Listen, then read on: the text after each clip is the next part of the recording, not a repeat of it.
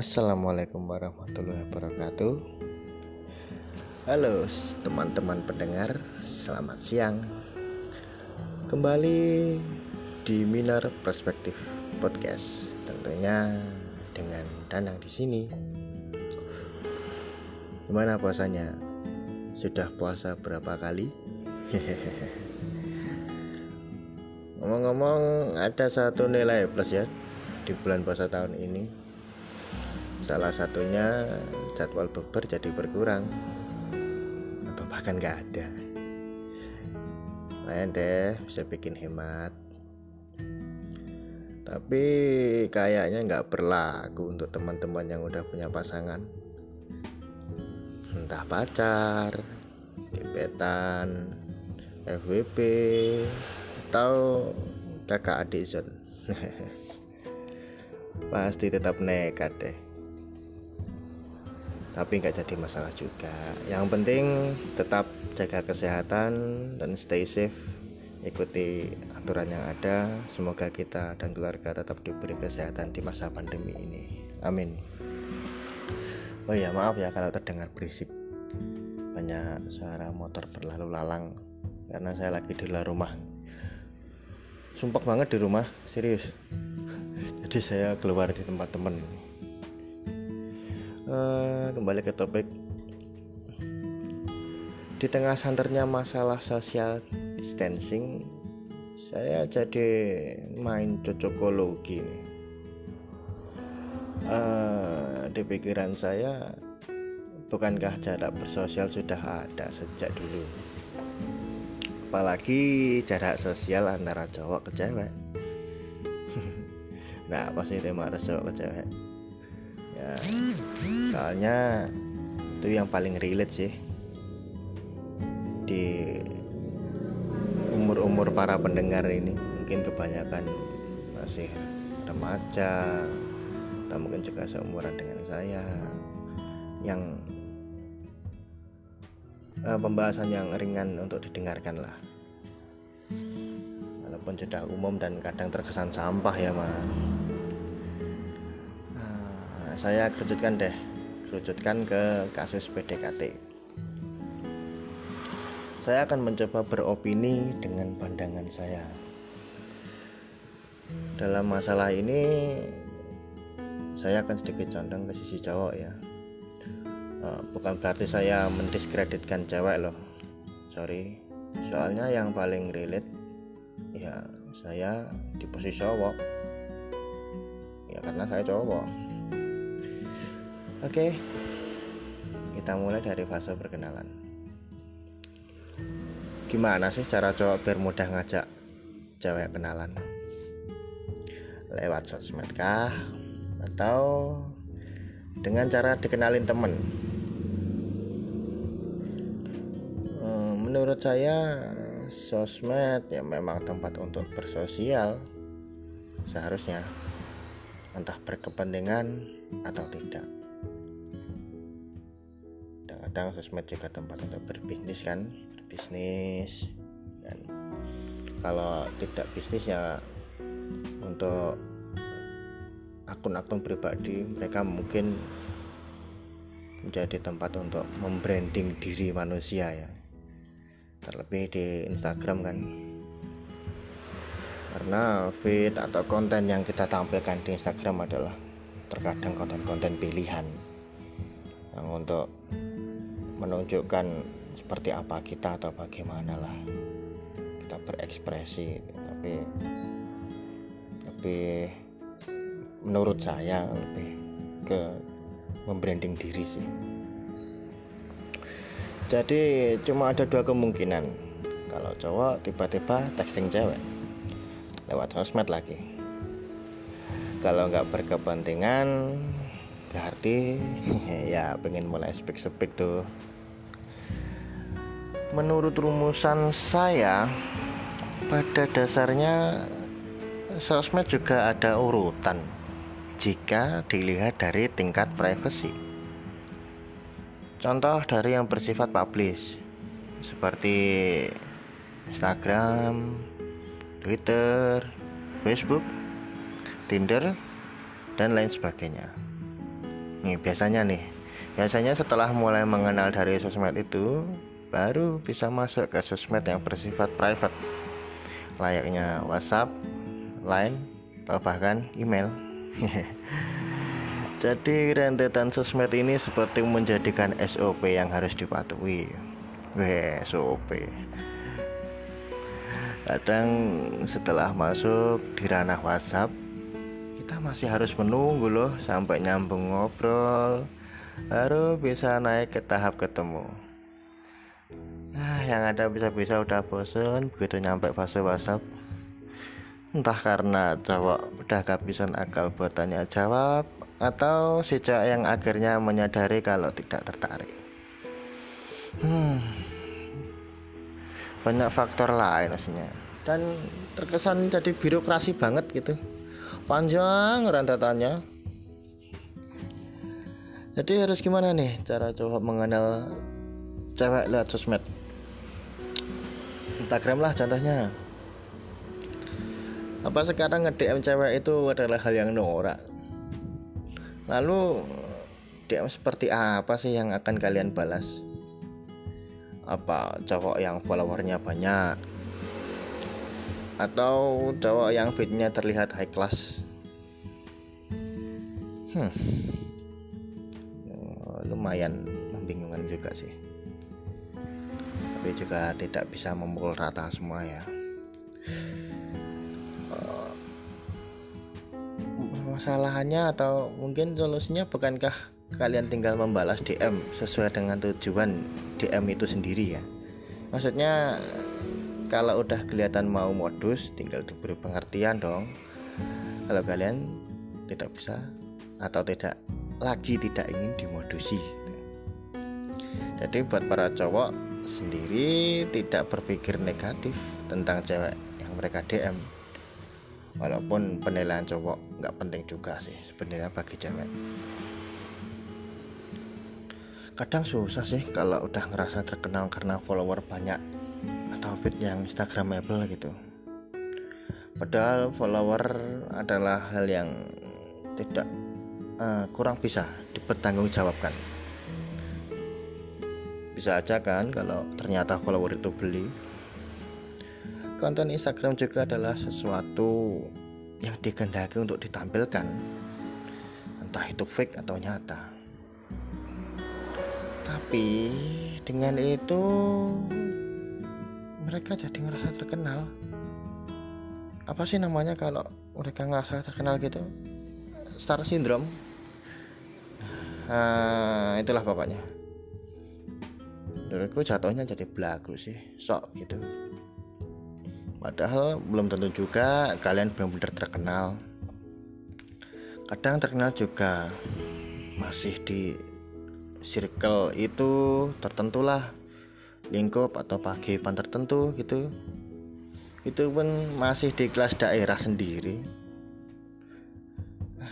Misalnya kadang belagunya udah kayak artis gitu udah sampai lupa kalau barang yang dipakai ngisi fit fit di Instagram itu adalah barang KW gitu. ya terkadang memang kenyataan itu pahit. Pahit untuk dibahas juga. Ya mungkin konten di Instagram yang notabene dunia maya sekarang mempengaruhi perilaku manusia di dunia nyata seakan jadi tolak ukur sih. Uh, mungkin si manusia ini mengisi apa di Instagram jadi dia seakan tertuntut gitu untuk mengaplikasikannya di dunia mata di dunia nyata. Oke lah kalau selama itu bisa diraih atau dijalani tapi kalau sudah memaksa atau istilahnya tidak sesuai kantong ya biasa-biasa aja lah. Jadi konteksnya atau kesimpulan sementara perkenalan dengan cara nge-DM jadi kurang efektif ya sekarang. Fitur DM jadi unfaedah gitu di Instagram. Masalah sih kalau stigma seperti itu dirubah setidaknya sadarilah kalau ada yang berkenalan sosmed itu bukan hal yang salah atau norak norak atau enggak itu tergantung cara penyampaian juga kan. Dan cowok juga harusnya sadar mau model gimana pun kalau niatnya modus ya nggak usah alay gitu. Saya paham kok kalau kalian modus dan bahkan kalian lagi kampanye gitu. Jadi nggak usah jadi distrak bagi cewek gitu. Ada lagi nih. Terkadang saya juga ingin memangkas SOP SOP tadi. Ini dari langsung dari fase texting sampai ke fase ketemu ya. Dengan chatting secukupnya introducing secukupnya lalu ketemu bukankah itu lebih cepat menilai seseorang? Jadi nggak usah terlalu dikasih jarak gitu. Dikasih waktu wah kita harus chattingan berapa lama dulu nih baru bisa ketemu gitu. Ya langsung aja mungkin semalam aja kalau kita sudah bertanya pertanyaan standar ya pertanyaan introducing itu bertemu gitu kan kayaknya jadi lebih enak deh. Menilai seseorang dengan face to face juga bakal lebih efektif. Kita bisa melihat ekspresi gestur dan aspek-aspek lain yang perlu dinilai. Kadang kebanyakan alasan para cewek yang saya dengar takut sih. Nggak tahu takut apa Padahal ketemu juga di tempat umum, berangkat juga sendiri-sendiri.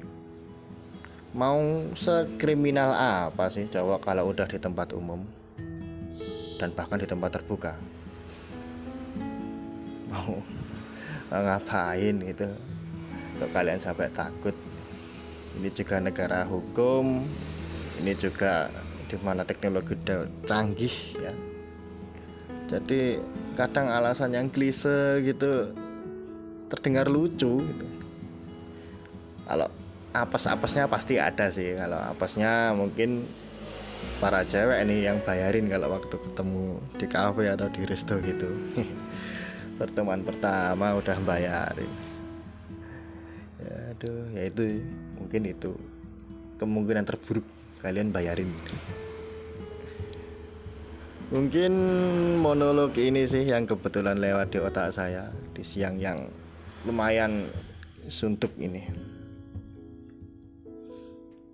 Ya, saking gabutnya juga sih. Next time akan saya bedah poin-poin yang lebih detail di episode minor-minor berikutnya. Oke, sampai bertemu lagi. Terima kasih dan see you.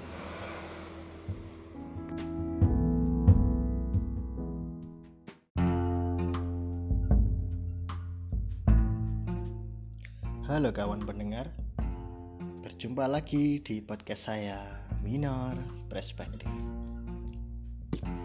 Tak terasa ya, sudah episode ke berapa ini? Kedua ternyata. ya udah jauh. Dan effort banget. Sampai di tahap sekarang. Saya bangga dan sombong. Mau bahas apa nih di episode kali ini? Apa ya yang kira-kira bisa menarik dan betah didengerin gitu? Ya kan? Kemakan kesombongan kan ini. Baru aja bisa dua sudah buntu. Gak punya materi semua dimudahkan di dunia digital. Ya ternyata cari topik gini aja udah bingung. Hmm. saya aja deh saya aja yang jadul ya sok-sokan bikin podcast. Ngomong-ngomong jodoh ikut dimudahkan enggak sih? Nah ini langsung lewat kan dapat inspirasi kan jodoh dimudahkan gak sih di dunia digital? Langsung eh kita ambil topiknya jodoh di dunia digital. Hmm, kenyataan sekarang kalau kita buka Play Store atau App Store kita bisa search banyak aplikasi cari jodoh. Seakan di zaman sekarang jodoh sudah benar-benar dalam genggaman. Yes asli borai menurut kalian efektif nggak sih seperti itu? Kalian udah pernah download belum sih? Yes ngaku aja deh pernah apa belum? Kalau saya pribadi pernah. Pernah pernah beberapa aplikasi saya coba yes. Ya memang niatnya menjajal keampuhan aplikasi itu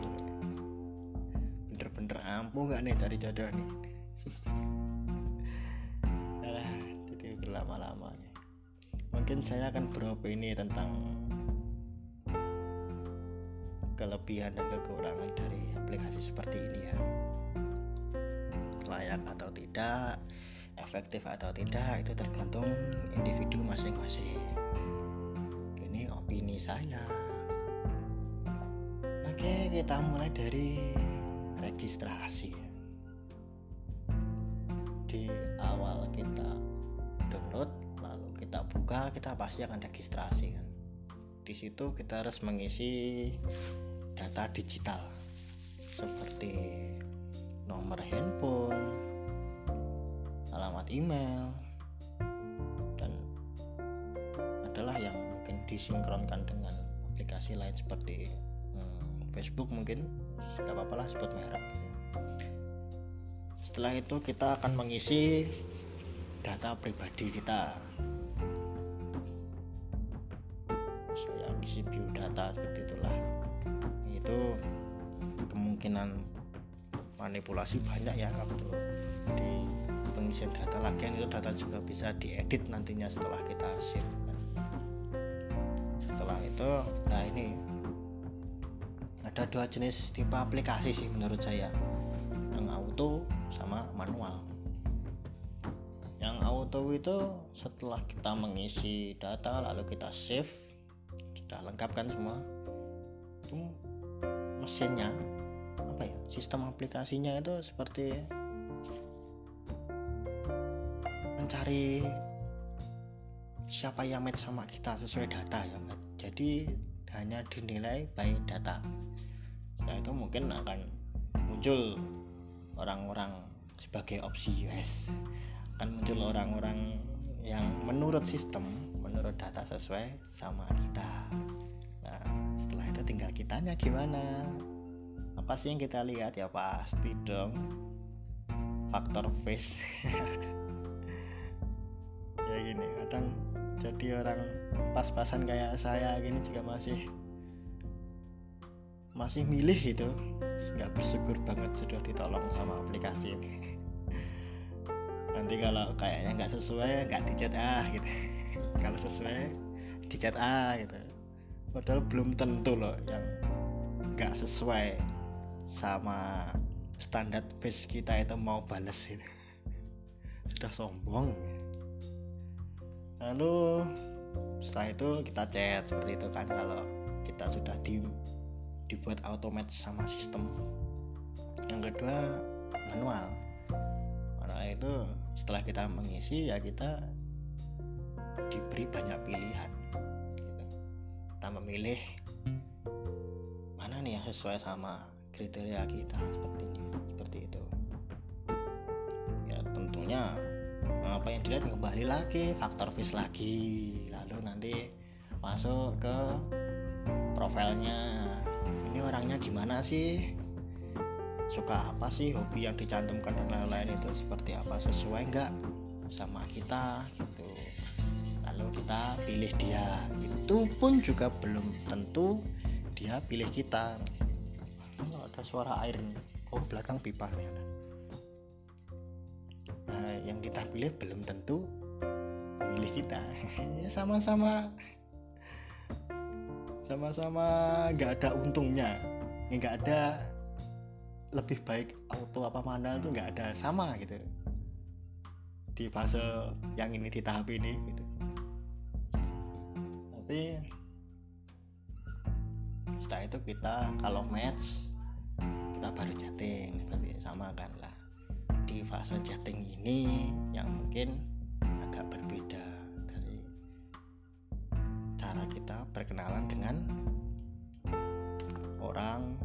melalui media lain maksudnya media yang bukan pencari jodoh ya. Jadi sudah jelas gitu di awal kita nggak perlu basa-basi atau modus gitu. Udah jelas kita cari jodoh mana di aplikasi seperti ini gitu. Ya, cuman ada beberapa memang ada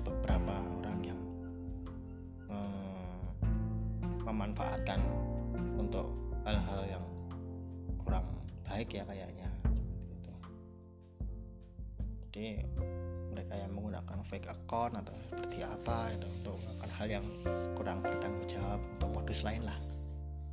Jadi itu. Jadi kita kan di awal kita nggak perlu modus kita langsung tentu poin juga bisa atau mungkin kita yang bingung untuk memulainya kita bisa menggunakan data yang ditampilkan yang di bio itu loh. Untuk bahasa basi dia ah kamu suka ini ya kamu hobinya ini ya gitu ya dan nanti tinggal uh, respon penerimanya sih. Ini orang standar banget sih. Apa gimana itu? Tergantung nanti. Halo. Cara perkenalan melalui melalui melalui media ini kita seperti meminimalisir resiko ya. Resiko maksudnya apa sih jadi kita kan nggak bertatap muka. Kita cuma chatting kita sampaikan apa yang ada di pikiran kita kita ketik lalu kita kirim seperti itu.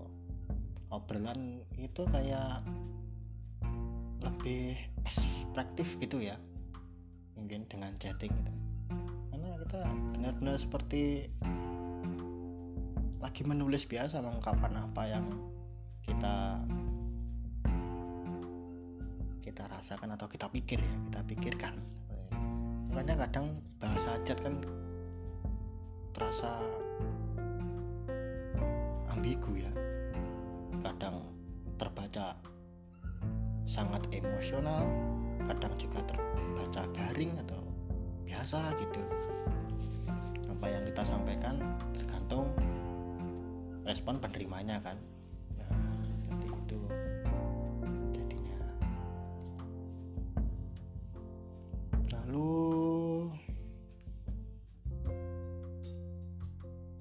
ini menjadi media yang sangat membantu untuk beberapa orang yang merasa introvert ya. Ya karena itu tadi di awal perkenalan sudah meminimalisir pertemuan kan. Menghindari cara berkenalan dengan langsung bertatap muka dahulu jadi ada kesempatan untuk kita mengenalkan sisi dalam ya atau sisi yang tidak terlihat saat pertemuan gitu. jadi kadang kalau orang yang memang dasarnya pemalu atau apa kan jadi kikuk gitu ya waktu bertemu gitu karena lebih gede canggungnya jadi mau ngomong apa bingung mau bertingkah apa juga bingung gitu. Dengan kita chatting dulu kan wah kita bisa ah aku bisa nih kalau cuma nunjukin kepribadianku dengan menulis gitu. Nah itu loh maksudnya. Lalu setelah itu baru bertemu. Tentunya kan berarti kita sudah mengenalkan sebagian apa yang ada dalam diri kita kan di awal chatting tadi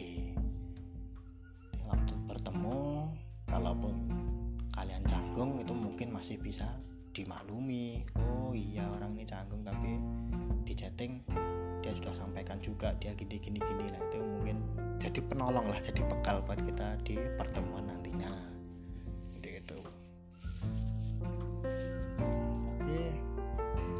Ini seperti hal yang sedikit membantu sih untuk mereka-mereka yang mempunyai kemampuan berkomunikasi yang baik nyata entah atau di dunia maya seperti itu. Jadi mungkin kalau cuma sekedar menjadi aspek pendorong mungkin bisa sih kalau lagi buntu nih mau kenalan sama cewek atau sama cowok gitu gimana ya caranya? Udah buntu apa mungkin cuma cari sensasi gitu mungkin perlu dicoba pada dasarnya kan kalian juga komunikasi baik. Jadi walaupun nanti chatting kalian juga tetap bisa asik. Dan kalaupun ketemu kalian juga bisa cair dengan suasana gitu. Jadi cuma jadi faktor-faktor pendukung lah. Jadi kepikiran sama orang-orang zaman dulu ya. Perkenalan gimana ya lebih gentle ya. Mereka-mereka bapak-bapak atau ibu-ibu. Mereka lebih gentle langsung bertemu. Mungkin cuma yang agak malu nyuwak nyuruh temennya gitu ya. Eh, itu siapa sih? Paling gitu-gitu ya.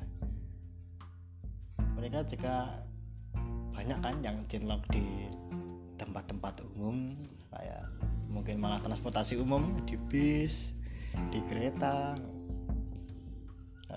cuma berkelanjutan dengan surat kalau mereka jauh. Gitu. apel juga langsung apel. Yang lebih gentle gitu.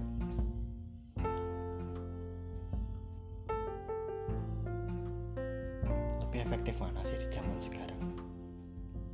Yang kita kalau kita compare nih yang kita butuhkan itu yang gentle seperti itu atau yang sekarang ah cenderung banyak terlalu basa-basi ya. Kadang saya sendiri juga mungkin kalau di posisi mencari pasangan mungkin saya juga bakal bingung mau basa-basi seperti apa gitu. Mau baik eh, apa berlaga baik itu juga pasti terlihat modus gitu. bingung gitu kadang-kadang memposisikan gitu. Kayak di zaman sekarang itu berkenalan itu kita harus banyak berpikir penuh kehati-hatian gitu. Zaman dulu kayaknya gitu gak sih? Mereka bertemu langsung eh kita kenalan yuk. Memperkenalkan, memperkenalkan nama lalu ngobrol gitu. Apa mungkin saya cuma lihat di film ya? Jadi kayak uh, hal-hal yang ditakuti gitu kayak nggak ada gitu. Aku bakal dijahatin nggak sih? Gini gini gini lah gitu kayak nggak mereka pikirkan gitu. Mungkin apa cuma di film aja kayak gitu. Tapi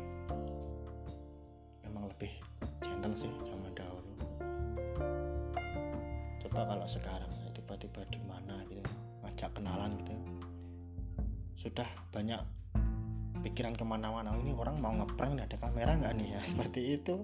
Atau mungkin dikira gendam atau dikira gimana gitu kan. Lalu di media online seperti itu efektif nggak? Menurut kalian gimana? Atau lebih nyaman di mana online atau offline? Itu tergantung kalian masing-masing sih di sini mungkin tidak saya tidak menemukan benang merah ya dalam apa yang saya bahas ini. Cuma mungkin pertanyaan yang saya sampaikan ini mungkin juga kalian tanyakan dalam hati atau mungkin juga kalian pikirkan dengan begitu kalian bisa menemukan cara yang menurut kalian itu efektif seperti apa. Ya harapannya begitu sih nggak muluk-muluk. Wah kamu harus gini-gini. Wah saya sendiri juga masih kayak gini bukan siapa-siapa. Cuma mengungkapkan apa yang kebetulan lewat di otak saya aja ya mungkin cukup itu yang saya bahas. Semoga di episode-episode selanjutnya saya bisa lebih membahas yang berfaedah gitu. Ini informasi juga bukan informasi malah menimbulkan pertanyaan gak ada solusi lagi. Gak ada jangan didengerin deh. Oke cukup sekian dari saya. Mohon maaf jika masih terbata-bata. Mungkin ini kekurangan saya yang saya coba untuk